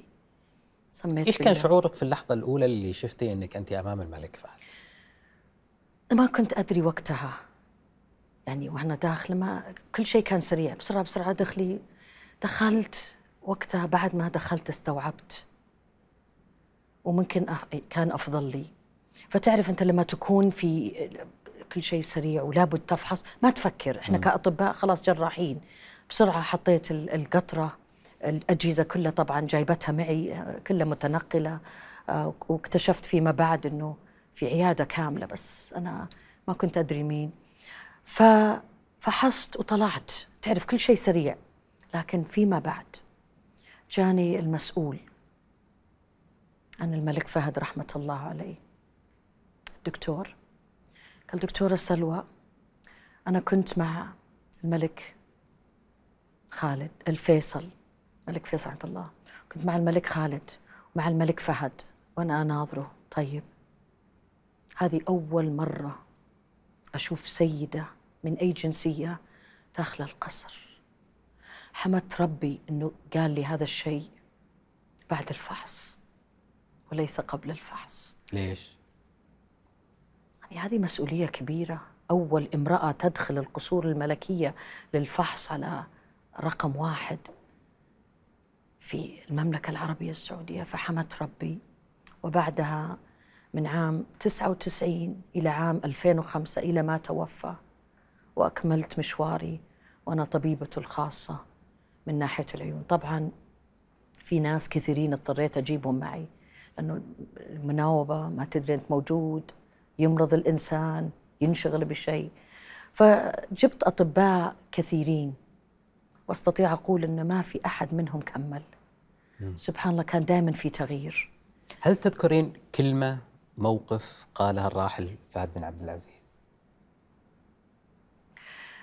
أستطيع أقول يعني إحنا كأطباء وأقولها بكل صراحة ما نذكر يعني تفاصيل ولا نذكر إيش اللي يصير لأنه هذه من أخلاقيات الطب. بس طالما إنه يعني جبت صورته الله يرحمه وطلع الكلام. يعني صاروا الناس يقولون طبيبة الملك فهد مش أنا اللي طلعتها الناس يعرفوا. فخلاص ما صار شيء يعني مستخبى. أذكر آه، على قناة البي بي سي الإنجليزية استضافوك في لندن وسألوك عن صحة الملك فهد. في وقتها تتذكري هذا الموقف؟ هذا دائما أعاتب آه، صاحب السمو الملكي الأمير آه، تركي الفيصل. ليش؟ كان؟ هو وقتها السفير. وكنا رايحين مع الوفود. تعرف بعد إحداث 11 سبتمبر أصبحت دخلوني بالسياسة. فأصبحت طبيبة جراحة. وأصبحت آه، أيضا شو تسوين في السياسة؟ بعد إحداث 11 سبتمبر كنت أسوي عملية طفل خدج. وجاء طقت الممرضة علي وأنا في عز ال- العملية. كان الطفل محول من أرامكو من دكتور ما أنساها فريدريك جونسون. ما كانوا يعرفون يسوون عمليات الأطفال الخدج كنت لسه راجعة من جون هوبكنز. فخلاصة الكلام قالت في تلكس أقول وشو التلكس ما نعرف وش التلكس عارف الفاكس؟ قالت في. قلت طب اقري. وأنا كنت في العملية قالت في العربي. قلت خلاص خليني أكمل مريضي. ولما طلعنا طلع مكتوب بالعربي طبعا. قرينا اللي نقدر منه. وكان وقتها طلب مني أن يعني فورا أروح وكان لسه أحداث 11 سبتمبر كانت في سبتمبر. وإحنا رحنا في أكتوبر أو نوفمبر. طلب مني أن أروح إلى نيويورك. الناس وش أسوي بنيويورك؟ قالوا تعالي إلى دافوس. اسمك من المرشحين. مع الوفد إنك تمثلين المملكة العربية السعودية وتدافعين عنها. أنا ما أحب الدفاع عن شيء. ليش أدافع عن شيء وأنا أعرف إن إحنا بريئين من هذا الكارثة اللي صارت؟ فرحت إلى إلى نيويورك طبعا ما رحت زي الباقيين. اضطريت إني أقعد يومين. الطفل سويت له عمليته. لابد إني أكمل مش أكمل العملية اللي اهم من العملية المتابعة. فأقنعت الجميع. قلت بس اسمحوا لي. قلت اسمحوا لي بس يومين. أأكد وأرجع الطفل إلى إلى أرامكو. كان جاينا من أرامكو من المنطقة الشرقية. واطمأنيت عليه ورحت على على دافوس وقتها. كانوا حاطين دافوس في نيويورك. طبعا هذا استطراد لكنه نرجع لأصل السؤال. أنت تعتبين على الأمير تركي الفيصل بإيش؟ إنه لما رحنا لل لما رحنا إلى إلى لندن رايحين إحنا كوفود. فذكر للجميع أن دكتورة سلوى طبيبة الملك ما يخالف كنا بينات بعض. فقال لي دكتورة في البي بي سي يبغى يسوي معاكي مقابلة. قلت ما عندي مانع. وهذه الأسئلة. طبعا فرحانة شفت الأسئلة خلاص. أول ما رحت على البي بي سي وعلى الهواء الساعة سبعة صباحا. قالوا لي أنت طبيبة الملك ما رضيت أرد قلت لا أستطيع أقول أنا طبيبة من؟ لأنه كان لسه يعني آه، حي الله يرحمه. قلت أنا لا أستطيع. إن كان الأكبر سلطة أو إن كان مع احترامي طبعا للفراش فمهمته مهمة. لا أستطيع أقول أنا طبيبة من. بعدها ما ما خلتني. قالت وكيف حالته الصحية, الصحية. قلت والله في مجلس الوزراء يعقد كل يوم اثنين. بإمكانك فتح التلفزيون. وانظروا إلى صحته. ولله الحمد هو من يدير الجلسة. وهو اللي موجود وتستطيعين مثل ما أنا أستطيع أن أشوف صحته تستطيعين أنت. طبعا بعدها سردت الأسئلة الثانية. فلما طلعت للأمير تركي كنت جدا يعني رجعنا. وكنت عاتبته. قال لن أهنيك. هذه أول مرة أسمعها. لن أهنيك بل أهني أنفسنا بك. فخلاص العتب وكل طاح الحطب. تبخر. يعني من هالشيء. في عيادتك الأمير نايف بن عبد العزيز رحمه الله زارك في العيادة. إي أيوة والله. حدثيني عن هالزيارة. طبعا بعد معالجتي للملك فهد رحمة الله عليه تعرفت آه، على كثير من العائلة المالكة مو تعرفت عليهم أصبحت طبيبتهم. آه، أي حاجة يخص العيون. ففتحت عيادتي الخاصة طبعا بعد ما عينت من قبل الملك عبد الله. أني أكون الرئيس التنفيذي لرابطة أصدقاء السعودية. هذه بعد أحداث هي نفس اللي هو حكينا عنها؟ ولا واحدة ثانية؟ لا هذه كانت وفود. آه، كونوا رابطة اسمها رابطة أصدقاء السعودية. فاضطريت أني أفتح العيادة في الليل حتى أكمل ممارستي لأنه أخذت من الديوان لمدة أربع سنوات آه أني أحسن العلاقات بين المملكة العربية السعودية وبين آه، السعودية. المملكة العربية السعودية وبين أمريكا. فكلموني وقتها كنت في الليل آه، في العيادة الخاصة. كلمني طبعا آه، قصره. قال دكتورة سلوى الفحص الأمير نايف. قلت ما عندي مانع. أنا الآن في العيادة الخاصة كان مساء. أول ما يطلع من قصره أعطوني خبر وأنا إن شاء الله أكون هناك قبله. هذا وعد مني. قالوا ابشري. وأنا قاعدة طبعا أفحص. ليش؟ لأنه كانوا في مرضى مواعيد ناس ترى على قد حالهم. ما ودي أحرم شخص آه، وأنا أستطيع أني أقوم بواجبي للعائلة المالكة وال VIPs بدون ما اثر على الشخص البسيط لأنه دعوة من هذا الشخص دعوة ممكن يفتح لي كل باب. فبس كنا في العيادة ويعني تجيني رئيسة العيادات دكتورة سلوى الحرس الملكي. جو كانت أعتقد لونها الأحمر والأخضر. والله قلت نعم يبغى يكلمك. طلعت إيش إيش صار؟ يعني عيادة خ... قال دكتوره سلوى ورينا الغرفة اللي بتفحصين فيها آه، صاحب السمو الملكي الله يرحمه الأمير نايف. قلت لا لا مش هنا. في في المستشفى أنتم غلطانين. أنا بجيكم. قال لا يا دكتورة. قال ما أكلف على دكتوره سلوى طالما إنها في العيادة أنا أجي عندها. طبعا الشارع قفل الونانات نشوفهم. أنا أكمل مع مرضاي. ما ودي أحرم أحد من فحصه. وأنا لما دخل طبعا اضطريت أقول للمريض لو سمحت تفضل في غرفة الانتظار. فحصت على على الأمير نايف. والله يعني حز بخاطري إنه كيف العظمة هذه وزير داخلية إنه كلف على نفسه وأرسل طبعا شيكوا على كل شيء في العيادة والجهاز وحتى الموية اللي بيشربها وكله. فهذا دل على شيء فعلا دل على أن حكومتنا الرشيدة يعني ناس لهم قدرهم ويقدروا ليس فقط آه، المواطن بل يقدروا ال- المواطنة. يعني هذا فعلا كان له أثر كبير. والأمير نايف أستطيع أقول يعني أنا برضو مع ال- الأمن القومي لأنه كان وزير الداخلية. احتكيت كثير آه، عشان نحاول نجيب الفيز. فجبنا أول آه، خمسة ألاف تأشيرة للطلبة وللمرضى. يعني تقريبا في ذاك الوقت وإحنا كنا مع آه، لجنة أصدقاء السعودية وأنا كنت أرأسها. رحمة الله عليه. الشيء بالشيء يذكر. تحدث عن الداخلية. في تلك الأيام كان هناك تفجيرات في عام 2003 خليني أشوف معك هذه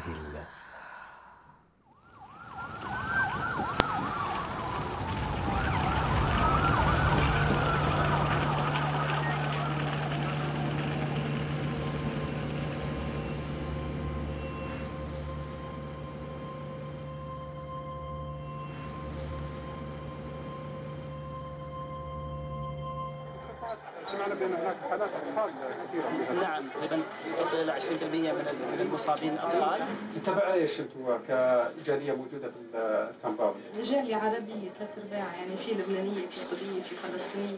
طبعا آه، قوات عملية تفجير المحيا عملية فاشلة بالعكس ارتدت على التنظيم نفسه. آه ليش كنت تشيحي. بوجهك عن ال... مؤلمة لأني كنت أنا المسؤولة. مثلاً. بعد تفجيرات المحيا كانت ليلة غير عادية بالنسبة للدكتورة سلوى حديني عن تلك الليلة. نوديد. وين كنت أساسا؟ أنا أصلا كنت ساكنة في سكن التخصصي في وقتها. ساكنة في سكن التخصصي لأنه كان أقرب لي. المناوبات أولاد كانوا صغار. كنت ودي من فترة لفترة يعني على الأقل أكون معهم. فكنت في السكن. جتني ال- ال- ال- المهاتفة من آه، المشرف العام لمستشفى التخصصي أن أتوجه فورا إلى غرفة الإسعاف.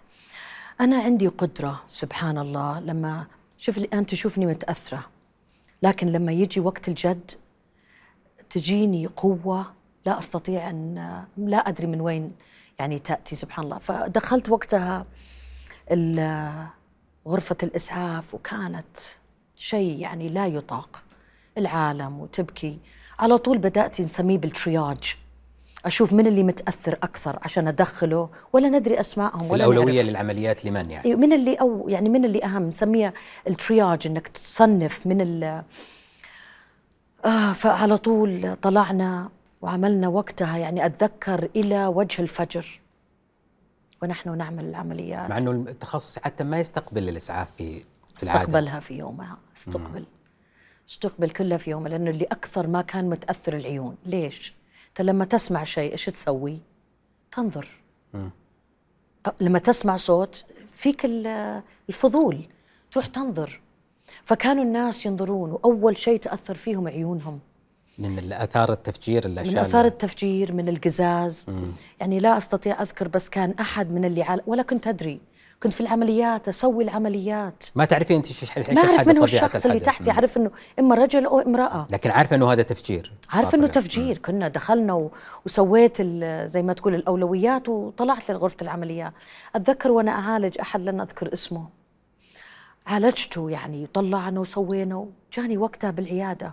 طلع يعني من كبار المسؤولين. فشكرني وقلت له هذا أنا ما عملت إلا الواجب سواء أنت كبار المسؤولين أو إنسان يعني تقوم بالعمل البسيط. فكانت يعني أتذكر مرة طاش ما طاش جابوا على هذا المحيا. عج- ما قدرت أكمل الحلقة بكيت لأنه كان لسه قريب من اللي صار. أتذكر المواجع يعني كنت أطلع من العمليات أصد عن الناس. دكتورة كي ما أدري من اللي عندي ما أعرف أسمائهم. فكيف أقدر أعطيهم النتيجة فكانوا الأهل منتظرين برا أقول لهم والله ما أدري فكانت آه، جدا كانت في. رمضان أعتقد كانت جدا مؤلمة يعني الله لا يعيد ال- الله لا يعيد الشر آمين. كنت تقولين في أحد ال- المقابلات أعتقد تصفين نفسك وتقولين أنا سمكة كبيرة في وعاء صغير. حدثيني عن عن هذه الفكرة. أم تعرف تربيت في الولايات المتحدة الأمريكية تدربت في الولايات المتحدة الأمريكية كان عندي اللقب يعني أستطيع أن أكمل شغلي في الولايات المتحدة الأمريكية. كانوا كثير يقولوا طب دكتورة وش حدك؟ وش حدك؟ اشتغلي في ال- اشتغلي في الولايات لأنه نكون يعني لا نكون صريحين العمل يعني. العمل في الولايات المتحدة أسهل من العمل في لا مش السعودية مسألة كطبيب. ها. أسهل لا لا. كان في كثير ضغوط على المرأة. نتكلم على ال- يعني في الثمانينات وجينا على التسعينات مو زي ال- يعني لابد دائما أقول لابد للمرأة أن تشتغل عشرة أضعاف الرجل حتى تأخذ منصب الرجل وهذا كلام ما يختلف عليه اثنين. يعني نحن الأقلية وأنا معترف أن الأقلية ليس أقلية بشغلي أو أدائي الأقلية بالرقم. لما يكون في أقلية ما يكون فيك القوة. فكانوا يقولوا لي دكتورة يعني في أشياء مواقف ما ود الواحد يعني يذكرها. وكان لابد تكون هذه المواقف. وأنا كنت متفهمة. هنا لما كان الله يسلمه أبو مشعل يعني السند ال- الكبير لي. ف يقولوا لي تعالي للولايات المتحدة الأمريكية. يا دكتورة أسهل لك وتاخذين كنت أقول لو كنت في الولايات المتحدة الأمريكية أكون السمكة الصغيرة في الوعاء الكبير وعندي الحرية أقدر أتنقل بكل محل صح؟ عندي الحرية. لكن أنا في المملكة العربية السعودية تلك السمكة الكبيرة في الوعاء يعني الصغير ما عندي الحركة لكن عندي التأثير. كل حيشوف ذيك السمكة. تأثيري حيكون أقوى من تلك السمكة الصغيرة في الوعاء الكبير عندها كامل الحرية لكن ما عندها التأثير. قضية التغيير تغيير المجتمع والأخذ الحقوق في مدرستين في المدرسة اللي هي عدم مصادمة المجتمع وهي قضية التغيير الناعم والقبول ال- الذي يسري شيئا فشيئا وفي ال- العملية الصعبة التي اصطدام بالمجتمع. و... إلى أي مدرسة تنتمي الدكتورة سلوى؟ هذه ما ما يختلف عليها اثنين. دائما أقول سبحان الله أنا لما أتقدم ثلاث خطوات ولا ينجح الشيء. لن أرجع ثلاث خطوات أرجع فقط خطوتين. ما زلت لسه هذا اللي كنت أؤمن به. ما زلت لسه خطوة متقدمة. كان علينا يعني لا القصص يبغى لها أيام وأشهر. فأنا طبعا أميل إلى الشيء ببطء. الشيء يتغير مع الوقت. لا نجبر المجتمع على التغير يعني التغيير المف... في وقتها نتكلم. ولله الحمد بمثابرتي بسند والدي قصص تكثر. سند آه، أبو مشعل كانوا الأولاد لسه صغار. فعلا فعلا اجتزنا الكثير. يعني أنا أتذكر حتى أولادي كانوا يتضايقوا في المدرسة. كان الناس يذكرون أمهم لهم ليش تسوي كذا وليش تسوي كذا. بس مع ذلك الحمد لله يعني اجتحنا اجتحنا الكثير أنا وأرجع وأقول يعني الوالد رغم الصعوبات وصارت عدة آه، يعني المنتدى جده الاقتصادي في عام 94 وغيره. يعني كان فعلا فعلا أشياء آه، لا ي- يريد الواحد استرجاعها. على صعيد زمني آخر أريد أن أستعرض معك هذا الفيديو. أعطي الفرصة لسعادة الدكتورة سلوى الهزاع تفضلي. بسم الله الرحمن الرحيم والصلاة والسلام على سيد المرسلين. آه، شكرا معالي الرئيس والشكر أيضا موصول للجنة. يذكر في صفحة 8 سطر 4 وصفحة 11 صب- سطر 17 إيفاد سبعة أطباء من جامعة جون هوبكنز للعمل بالمستشفى واستضافة سبعة أطباء من الجامعة للعمل بالمستشفى. وثلاثة منهم غادروا. يعني المجموع يا معالي الرئيس هم عشرة أطباء. آه، سبعة على رأس العمل وثلاثة من غادروا. والاتفاقية تنص على أن رؤساء الأقسام وهم كلهم رؤساء الأقسام ومن غادروا آه، يجب أن سبق لهم العمل في جون هوبكنز وهو بند رقم كذا وكذا ولن أدخل في التفاصيل. فقط من العشرة أطباء السبعة على رأس العمل آه هذه هذه إيش؟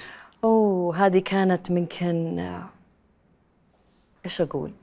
في وقتها كنت آه، بروفيسور في مستشفى جون هوبكنز سلب مني سلب مني هذا المنصب ولا همني لأني وقتها أفكر في مستشفى الملك خالد للعيون رغم إني أنا تابعة لمستشفى الملك فيصل فدائما أقول مستشفى الملك فيصل هي أمي مستشفى الملك خالد للعيون هو أبي أبوي. الناس في مستشفى الملك خالد يتهمونك بعقوق هذا الأب. كنت حادة يعني. جدا. يعني في- كنت أشوف كنت في- أشوف. في مداخلتك وفي مداخلات كثيرة أنت قلتي إن لم يتغير هذا الوضع في العام المقبل فلا نستحق أن نبقى في مكاننا. خدمات المستشفى المتواضعة فاقمت أمراض العيون لدى المواطنين وتسببت في العمى. اعتبرتي ما يجري في المستشفى أمر مخزي. حتى زميلتك الدكتورة خولة الكريع قالت آه، في صرف الأموال على تعاون وهمي أو شيء من هذا القبيل. لماذا هذه الحدة لأنه تجاه ال- المستشفى؟ الاتف... مش المستشفى غلطان بهذا الشيء ليس المستشفى مم. الاتفاقية. كانت هناك اتفاقية مع مستشفى جون هوبكنز. الاتفاقية كنا كانت مفروض تكون مساندة. والاتفاقية و- ويؤسفني أقول أنا من بدأتها. كانت أيام آه، آه، أيام الملك فهد وبعدها. فالاتفاقية كانت تنص إنه تكون اتفاقية مع مستشفى جون هوبكنز. لم تكن الاتفاقية مع مستشفى جون هوبكنز. كانت فقط على ورق. كانوا يأتوا بالأطباء من جنوب أمريكا. ليس لديهم ال- البورد الأمريكي. كثير منهم عمرهم ما دخلوا المستشفى. كانوا يأتوا بتلك الأطباء غير متمرنين غير متدربين لا يوجد معهم البورد وكانوا يأتوا إلى مستشفى الملك خالد تخصصي للعيون وكانت يعني تعتبر من من يعني أسوأ الاتفاقيات اللي ممكن تحصل. حتى بعيد عن الاتفاقية دكتورة أنت قلتي خدمات المستشفى المتواضعة فاقمت أمراض العيون لدى المواطنين وتسببت بالعمى صحيح هذه كانت أساس بعد الاتفاقية. كانت المستشفى تعتبر مستشفى رقم واحد. كانت تعتبر لما تقول مستشفى الملك خالد معروف. لما جت الاتفاقية للأسف الشديد نزلت المستشفى إلى أدنى المستويات. لأنه الأطباء اللي كانوا متواجدين وإن كانوا بعضهم من أمريكا لكن ولا واحد منهم اشتغل. ما كان في مواقف شخصية أو خلافات بينك وبين إدارة المستشفى هي اللي خلت الحدة دي موجودة؟ أبدا ما كنت بالعكس أنا كانت آه، يعني كان هناك تفسيرات من قبل الطرف الآخر مختلفة لماذا هذه جدا. الحدة؟ أخذوها سووها شخصية وأنا لا أعرفهم ولم أتعامل معهم بس كان يحد من الأمر أنه يجيني المريض عمل العملية من قبل تلك الطبيب من مستشفى جون هوبكنز وللأسف الشديد العملية غير ناجحة.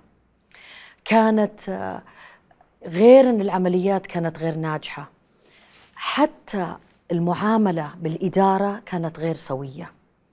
كان الطبيب يكون هو الرئيس القسم واللي تحته أحسن منه خبرة من الطبيب السعودي فكنت أدافع عن الطبيب أو الطبيب السعودية.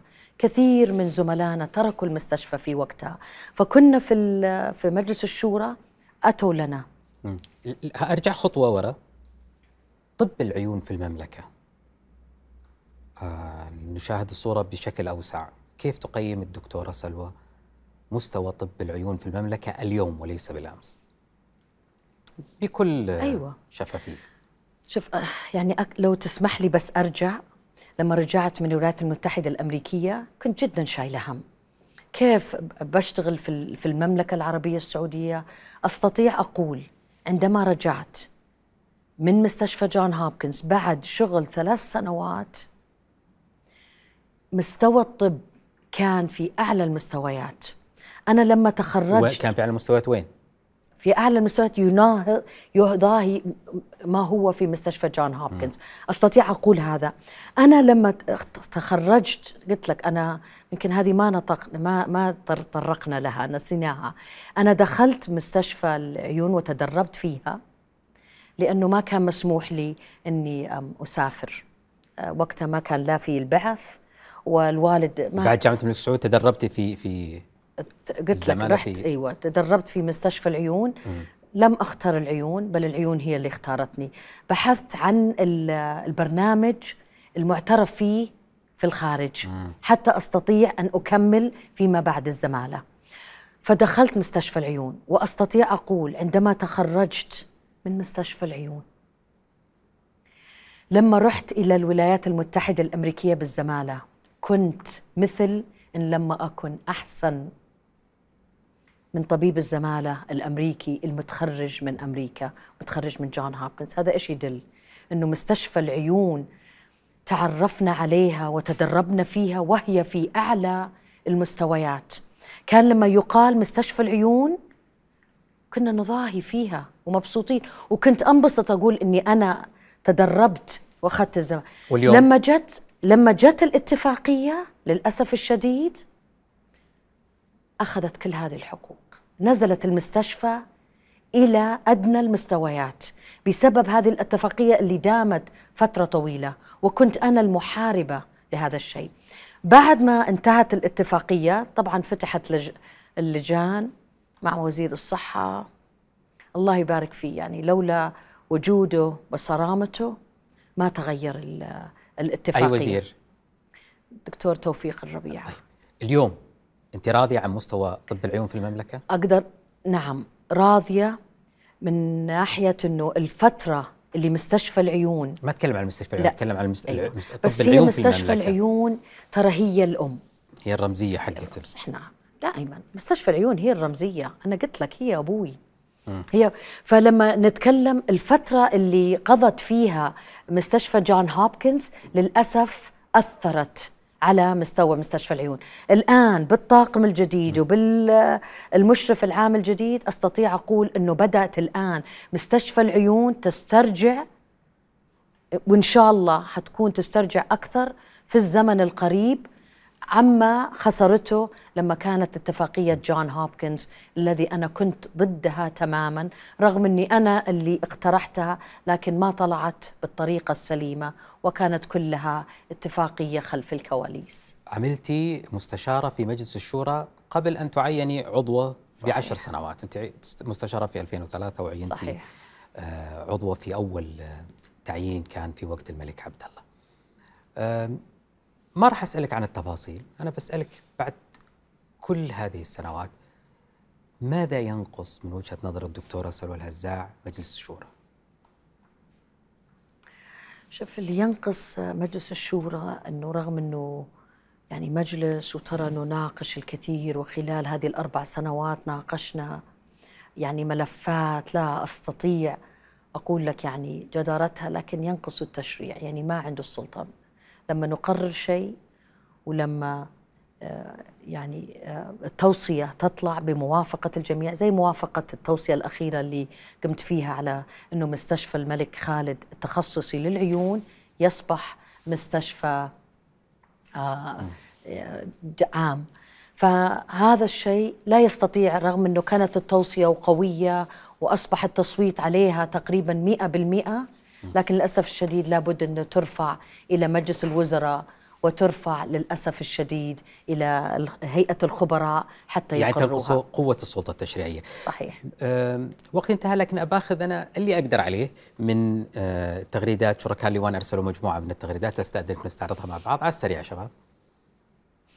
محمد زهراني يقول كان لديها علاج للعشاء الليلي وبعد فترة استقالت من مستشفى الملك فيصل التخصصي هل معنى ذلك أن العلاج لم ينجح؟ معلومة هذه صحيحة؟ لا غير صحيحة ما شاء الله البنت اللي عملنا لها العملية كانت عمى قانوني و... ولله الحمد الآن لما تجي إلى العيادة والله نضطر نربطها أمها توها كلمتني تبارك لي آه، برمضان تقول دكتورة سلوى أصبحت ابنتي الآن ترى ال ال الكمبيوتر الكمبيوتر الحروف الصغيرة. هذه ما حد كان يصدقها. عادة العلاج الجيني م. هذا يوقف آه، تدهور.